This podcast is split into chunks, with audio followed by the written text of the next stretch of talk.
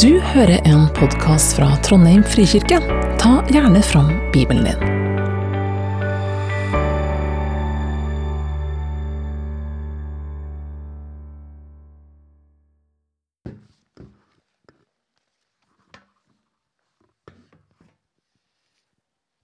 Mannen var sammen med sin kvinne Eva, og hun ble med barn og fødte Kain. Hun sa, 'Jeg har båret fram en mann ved Herrens hjelp.' Siden fødte hun Abel, broren hans. Abel ble sauegjeter, Kain ble jorddyrker. Da det var gått en tid, hendte det at Kain bar fram for Herren et offer av åkerens grøde. Også Abel bar fram et offer av de førstefødte dyrene, fra småfe og fettet av dem. Herren så med velvilje på Abel og offeret hans, men på Kain og hans offer så han ikke med velvilje. Da ble Kain brennende harm og så ned. Herren sa til Kain, 'Hvorfor er du så harm, og hvorfor ser du ned?' Hvis du vil gjøre det gode, kan du se opp, men hvis du ikke vil gjøre det gode, ligger synden klar ved døren. Den ønsker makt over deg, men du kan herske over den. Siden sa Kain til sin bror Abel, 'La oss gå ut på marken.' Og mens de var ute på marken, gikk Kain løs på sin bror Abel og drepte ham. Da sa Herren til Kain, 'Hvor er din bror Abel?' Han svarte, 'Jeg vet ikke. Er jeg min brors vokter?' Da sa Herren, 'Hva har du gjort?' 'Din brors blod roper til meg fra jorden.' 'Forbannet er du. Nå skal du være bannlyst fra den jorden som åpnet munnen og tok imot din brors blod fra din hånd.' Når du dyrker åkeren, skal den ikke lenger gi deg av sin rikdom. Fredløs og flyktning skal du være på jorden. Da sa Kain til Herren, min skyld er for tung å bære. Se, i dag driver du meg bort fra landet. Jeg må skjule meg for deg. Fredløs og flyktning blir jeg på jorden, og den som finner meg, kan drepe meg. Men Herren sa til han, nei, hvis noen dreper Kain, skal det hevnes sju ganger. Og Herren satte et merke på Kain for at ingen som møtte han, skulle slå han i hjel. Så dro Kain bort fra Herren og slo seg ned i landet Nod, øst for Eden.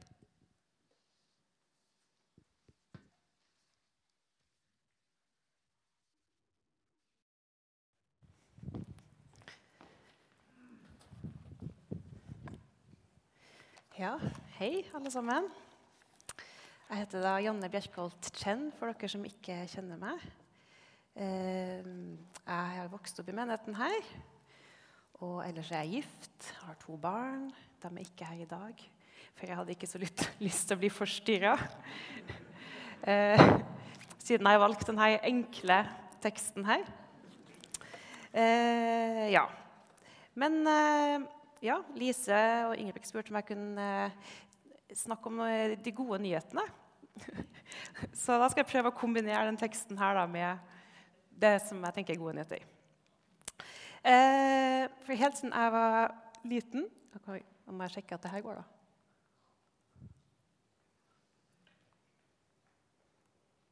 Ja. Karin Habel, er det gode nyheter for oss? Ja. For Helt siden jeg var liten, så har jeg eh, vært veldig fascinert av denne historien. her. Eh, den har liksom forundra meg, irritert meg, fascinert meg. Og det er jo så mange spørsmål. Eh, liksom, hva var egentlig så dårlig med Kain sitt offer til Gud? Hvorfor likte ikke Gud det? Hva er det egentlig Gud mener med synden som ligger og lurer? Eh, hvorfor sparer Gud Kain, og hva er det her merket på panna? Og um, hvordan kan jeg påstå at dette liksom er gode nyheter i dag? Og det er jo eh, ikke sikkert jeg klarer å gi riktige forklaringer på det. Eh, men jeg skal prøve å si da hvorfor jeg tenker at denne historien er gode nyheter for oss. Eh, og jeg håper at dere kan bli oppmuntra, dere òg. Og så er det jo også litt fint at ikke alle historiene i Bibelen er sånn rett fram. Eller det er jo mange som ikke er det. Så kan vi kna dem litt sammen. Historien om Kain og Abel har med litt forskjellige bilder fra kunsthistorien her da, om Kain Abel. Eh, er jo fra det som kalles urhistorien da, i Bibelen. Første del av første Mosebok. Og det er ingen som helt vet hvor de her historiene kommer fra. De ble sannsynligvis skrevet ned når eh, jødene var i eksil i Babylonia. Og urhistorien det inneholder noen av de aller mest kjente historiene fra Bibelen, sånn som skapelsen, Noas ark, Babels tårn, og helt fram til historien om Abraham. Og Eh, de skal kanskje eller kanskje ikke da, eh, eh, leses helt bokstavelig. De strides, strides om det her liksom virkelig har skjedd eller ikke. Men det her er i hvert fall historier uansett som kan fortelle oss noe om hvordan vi mennesker er, hva som bor i oss mennesker, og hvordan Gud er. Bare, går det an å få den her litt lenger opp?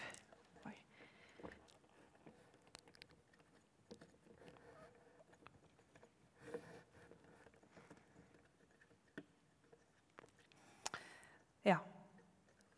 både om hvordan vi er, og om hvordan Gud er.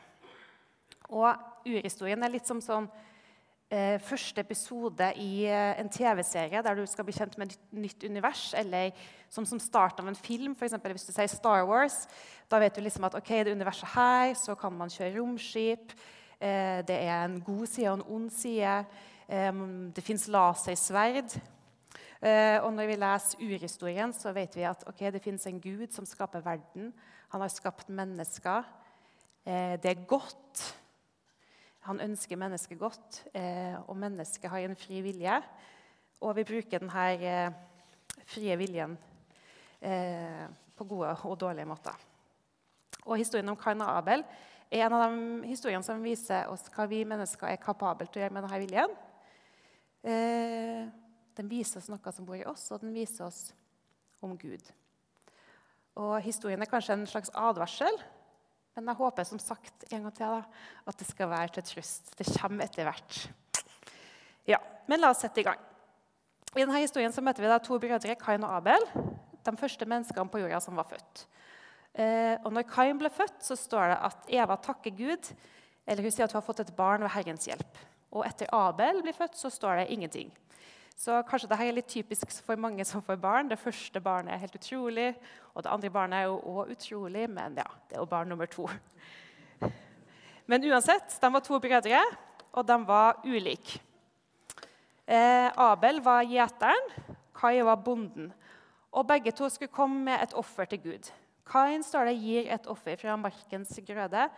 Abel bærer frem eh, et av de førstefødte dyrene og fettet på dem. Altså noe som var skikkelig bra. Eh, og det kan være lett å tenke da, når vi leser teksten, at det Kain bar fram, ikke var bra. Men det vet vi jo heller ikke. Teksten er utydelig. Det står ikke at Kain sitt offer var dårlig, men det står ganske implisitt at eh, Abel sitt var bra. Men med mindre Kain sitt offer fra markens grøde kom rett etter første innhøsting, så er det kanskje ikke så kult å komme med bananene liksom, noen måneder senere og si her var førstegrøden. Den var bra før Gud. Så kanskje sier teksten oss noe mellom linjene her, men kanskje ikke. Men så kommer vi i hvert fall til det første litt rare med denne fortellinga. Og det er jo at eh, Gud liker Abel sitt offer, men Kain sitt liker han ikke. Og Teksten sier ingenting om hvorfor det er sånn, men sånn er det. Og Kain han blir brennende harm, står det, og ser ned. Og jeg vet ikke om sinne er den eneste følelsen Kain har. Jeg kan også tenke meg at han er misunnelig eller sjalu, hevngjerrig, bitter, forundra. Kanskje han skammer seg. Hvorfor liker ikke Gud det jeg gir? Hvorfor liker han Abel sitt offer bedre enn mitt? Og da kan det også være lett å tenke videre. Hvorfor liker Gud Abel bedre enn meg? Jeg vet ikke om noen kan kjenne seg igjen i noen sånne tanker.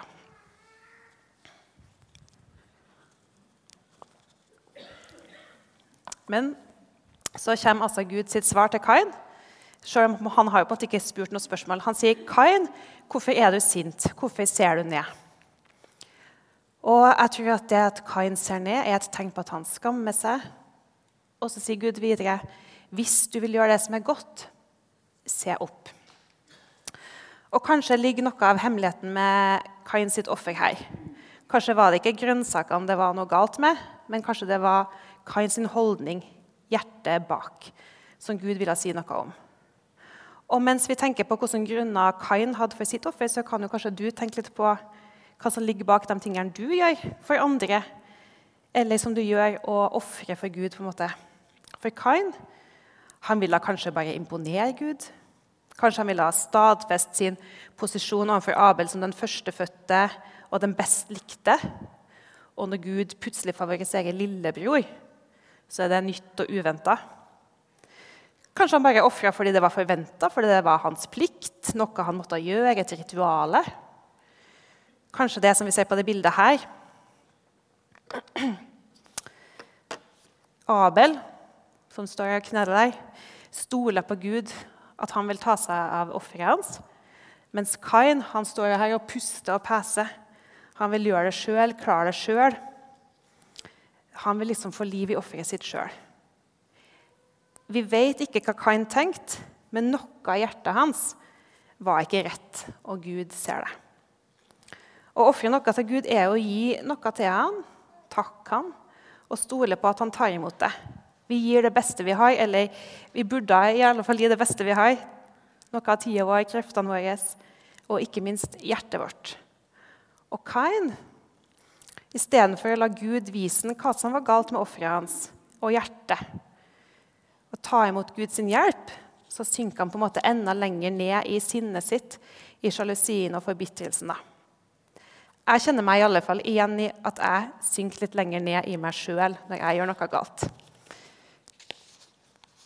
Kanskje har jeg sagt noe dumt til Brian, mannen min. da. Vi kan jo ta han som eksempel, siden det er oftest han jeg sier dumme ting. jeg. Tror jeg.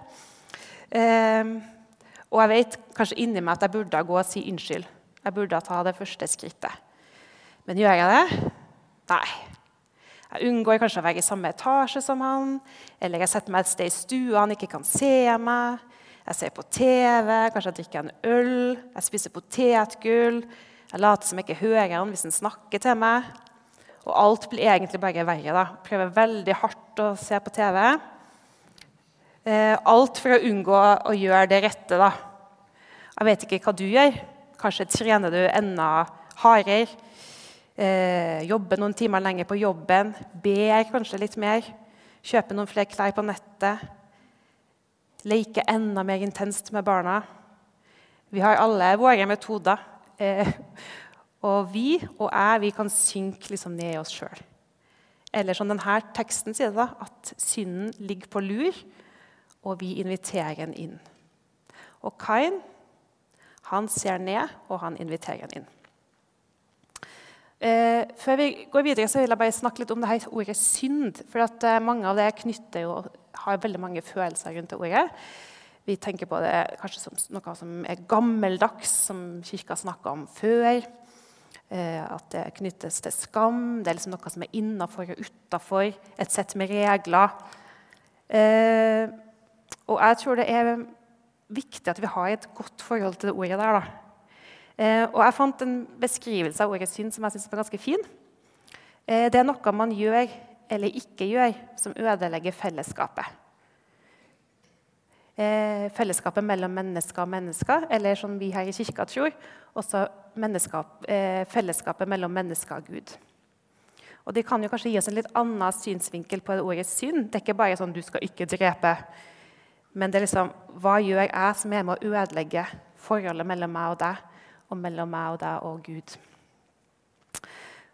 Og Når vi da ser videre En ting som jeg alltid har syntes var rart med denne teksten, er liksom at Gud lar bare ting skje.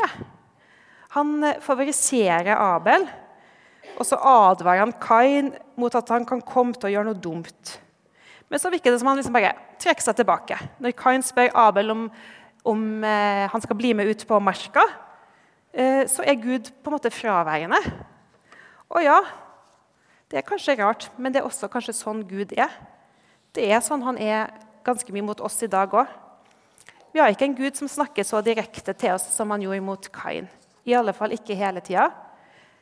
Men vi har jo fått denne Bibelen.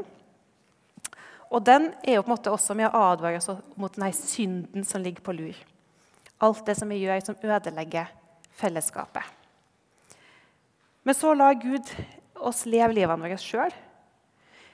Når vi står på valg om å gjøre det onde eller det gode, så er det ofte merkverdig stille fra Gud. Men jeg tror det er viktig å huske på da, at det her kristne menneskesynet sine fordrer en Gud som lar, oss, som lar mennesker ta sine egne valg. Det er et syn på mennesket og verden der det fins noe som er godt og noe som er ondt.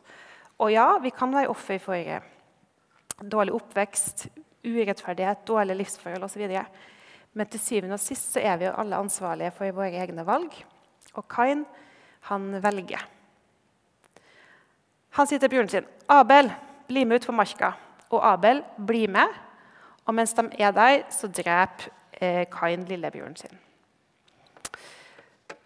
Og ikke for noe Abel har gjort galt mot den, men fordi Abel ble favorisert, i alle fall sånn som Kain fortolka det som skjedde.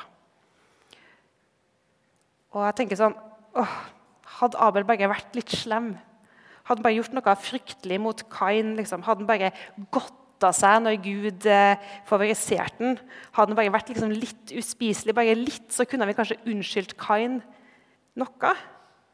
Men nei, han dreper broren sin. Eh, liksom det første mordet i historien. Det er ikke gjort i selvforsvar. Det er ikke gjort for å stoppe ondskap. Det er på en måte eh, Ja, det er på en måte ondskap.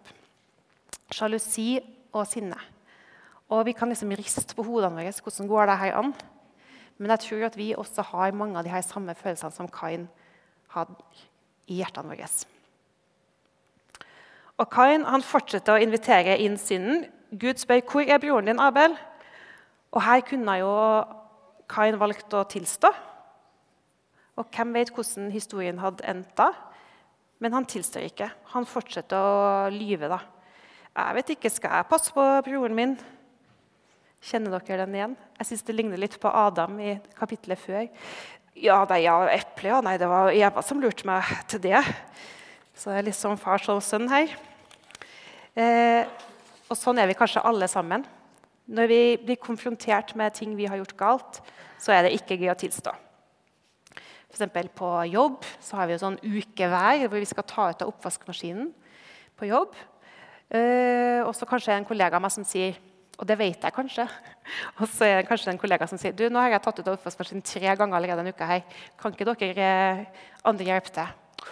Å, å, var det forrige uke? Ops, det hadde jeg, ja, det hadde jeg glemt. Eh, ja, ja, neimen, å ja, det skal jeg gjøre. Det er kanskje et enkelt eksempel, men vi liker ikke å ta ansvar for våre egne dårlige valg. Så ja, Kain han lyver. Men Gud han gir seg ikke. da. Han bare Blodet til broren din roper fra marka. Og så forbanner han altså Kain. Ja, så Til nå så har kanskje ikke den talen her vært veldig masse gode nyheter. Noe som jeg lova innledningsvis. Men det kommer snart. Bare hold ut. Og det her blodet da, som roper fra jorda, hva betyr det? Jo, jeg tror da at alt som er gjort galt mot andre og mot alle dere som sitter her eh, All urett, alle mord, all død, all misbruk, All urettferdighet den roper opp til Gud. Og Gud, han hører det, og han bryr seg. Og unnskyld eh, mine sterke ord, men de er jo på en måte Guds egne. Han blir rett og slett forbanna. Og Noen mennesker tenker at Gud umulig kan være sann. For Hvordan kan han være sann når han lar så mye forferdelig skje på denne jorda? her? Jeg underviser i samfunnsfag på 9. trinn i år. og 9. trinn Samfunnsfag er bare en sånn reise i menneskets eh, ondskap. Vi starter liksom friskt med første verdenskrig på høsten, og nå er vi godt inn i andre verdenskrig og holocaust. Og man regner jo med at det er dødd mellom 50 og 80 millioner mennesker til sammen i løpet av de her krigene. Og det er bare 50 år av menneskets historie. Mindre enn det. Men dere vet at alt det her blodet og alt som skjer, eh, det roper til Gud. da. Og Gud han gråter, og han bryr seg. Og han ønsker rettferdighet. Mye mer enn deg og mye mer enn meg så ønsker han å få slutt på det her. Det er jo derfor vi akkurat har feira påske. Det kommer jeg også snart videre tilbake til. Og Det er også derfor han på en måte må straffe Kain og forbanne han og si at han skal være bannlyst, at jorda ikke skal lenger gi mat, han skal være fredløs, han skal være en flyktning, han skal ikke lenger ha et hjem. Så alvorlig ser altså Gud på det onde som vi mennesker gjør mot hverandre. Altså alt det vi gjør som ødelegger fellesskapet. Og straffen er akkurat det motsatte av fellesskap. For Kain han blir dømt til ensomhet, isolasjon, en forferdelig straff. Jeg søkte litt på internettet da, om hva isolasjon og ensomhet gjør med deg. og I tillegg til at det føles jo helt forferdelig da, å være ensom, så får man også høyere risiko for masse sykdommer. Eh, fedme, hjerte-karsykdommer, depresjon, kreft, angst. Og I tillegg så påvirker langvarig ensomhet faktisk cellefornyelsen i kroppen din. Sånn at man også blir offer for tidlig aldring. Så det er jo litt på sida, men folk, inviter folk hjem.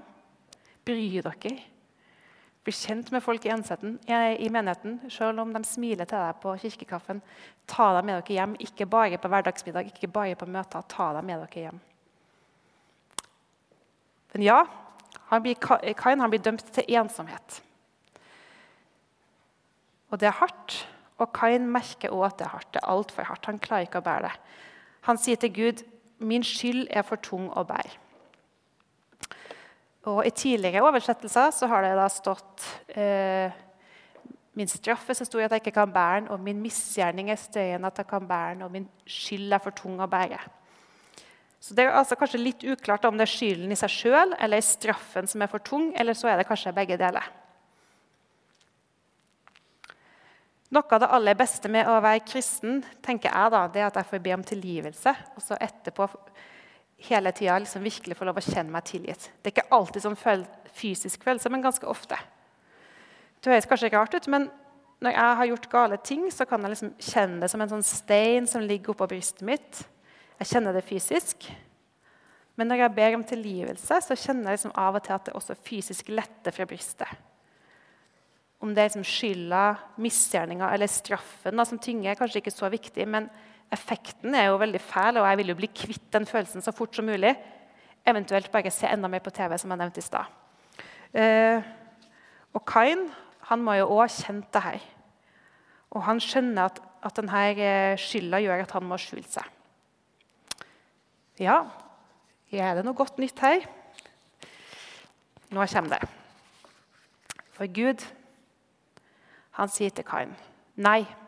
Jo, for Kain spør liksom hvem som vil, eller sier liksom til Gud Hvem som helst kan jo nå drepe meg. Men så sier Gud til Kain nei. Ingen skal drepe Kain. Om noen dreper Kain, så skal det hevnes sju ganger. Og så setter han et merke på Kain. Et merke som viser at Kain er Guds egen. Ingen kan røre ham. Det er et merke som viser eierskap og beskyttelse. Det er som at Gud sier Hevnen er min, ingen andre skal få straffe Kain. Rør han ikke, han er min. Men det er ikke sånn der 'han er min', som i en sånn cowboyfilm, der 'han er min' betyr 'det er jeg som skal få drepe ham'. Men 'han er min'. Han er min, jeg beskytter han. Eller som profeten Jesaja sa eh, hundre, eh, mange hundre år senere 'Jeg har kalt deg ved Kain fortsatt. Du er fortsatt min'. Det er mange teorier da, på Internett om eh, hva slags type merke Kain fikk i panna si. Og den rareste teorien Internett kom med, var et horn. Eh, det var visstnok etter en oversettelse som gikk på ville veier. Eh, men dette merket det visste at Kain var under Guds beskyttelse. Kain fikk altså ikke som fortjent. Gud holdt straffen tilbake og ga Kain en ny sjanse. Ufortjent vil vi kanskje si. Han drepte jo broren sin. Men ja, er ikke også våre sjanser ufortjent? Vi har akkurat feira påske. At Gud ofrer sin sønn Jesus. Straffer han med den straffa Kain skulle ha hatt. Ensomhet, isolasjon, tidlig død. Og Jesus ikke bare dør, men vinner over døden og gir oss alle nytt liv og nye sjanser. Inviterer oss tilbake til fellesskapet med hverandre og med han. Og Den fineste teorien på hva slags merke Kain fikk, var knytta til en annen historie i Bibelen. En historie fra Esekiel, der Guds engler skal gå gjennom en by og straffe, men spar alle som sukker og stønner over urettferdighet i den byen. Eh, de skulle også få et merke i panna, et sånn kryss i aske. Og for dere som er kjent i Bibelen, eller eventuelt bare har sett filmen 'Prinsen av Egypt', eh, så minner jo her også om den historien der. Der Dødsengelen skulle gå gjennom byen og drepe alle førstefødte, bortsett fra de husene som var merka med blod. Og kryss og blod Alt peker jo på Jesus. Anne Kristin eh, Misund i menigheten har skrevet en nydelig sang eh, som noen ganger blir spilt før dåp. Og i dåpen, som vi så i dag, så blir jo barnet merka med korsets tegn. Eh, og sangen har den teksten her i første vers. Jeg bærer merke til den store kongen. Det er usynlig, du kan ikke se det. Men det er hellig, og det er mektig. Det står for godhet og kjærlighet, framtid og håp. Kain fikk jo merke til den store kongen. Han fortjente ikke det. Han gikk bort fra Gud, men han bar likevel fullt Guds sitt merke. Og vi har òg fått dette merket, korsets merke, merket til den store kongen. Nådemerket, merket på fellesskap. Tenk det, det er ingenting du eller jeg kan gjøre som gjør at Gud ikke vil gi oss dette merket. Kain drepte sin egen bror. Ødela noe av det mest intime fellesskapet vi mennesker har blitt gitt, familien. Og likevel så fikk han beskyttelse og nåde. Hva er det du kan gjøre som Gud ikke vil tilgi hvis du kommer til Han? Vi trenger ikke å skjule oss for Gud, vi trenger ikke å gå bort fra Han. Gud ønsker oss tilbake. Det var derfor han ga dette merket til Kain. Tenk på Gud. Selv om Abel sitt blod ropte fra, fra jorda, så var likevel kjærligheten til Kain så stor at den ga ham beskyttelse. Nåde, ny sjanse. Og jeg tror Gud må ha vært veldig trist når Kain likevel valgte å gå bort og bosette seg det som det kalles i øst for Eden i Bibelen. Men vi vi kan velge å komme til Gud, velge på nytt å merkes med korsets tegn. På nytt å si, 'Gud, jeg vil komme nær.' Jeg vil ikke skylde på andre for det gale jeg har gjort, men jeg vil komme til deg, og jeg vil la deg merke meg med ditt dyrebare merke. Og jeg vil leve, ikke øst for eden, men i fellesskap med deg. Og Det tenker jeg er gode nyheter.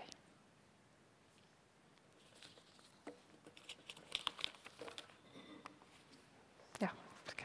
Skru av det.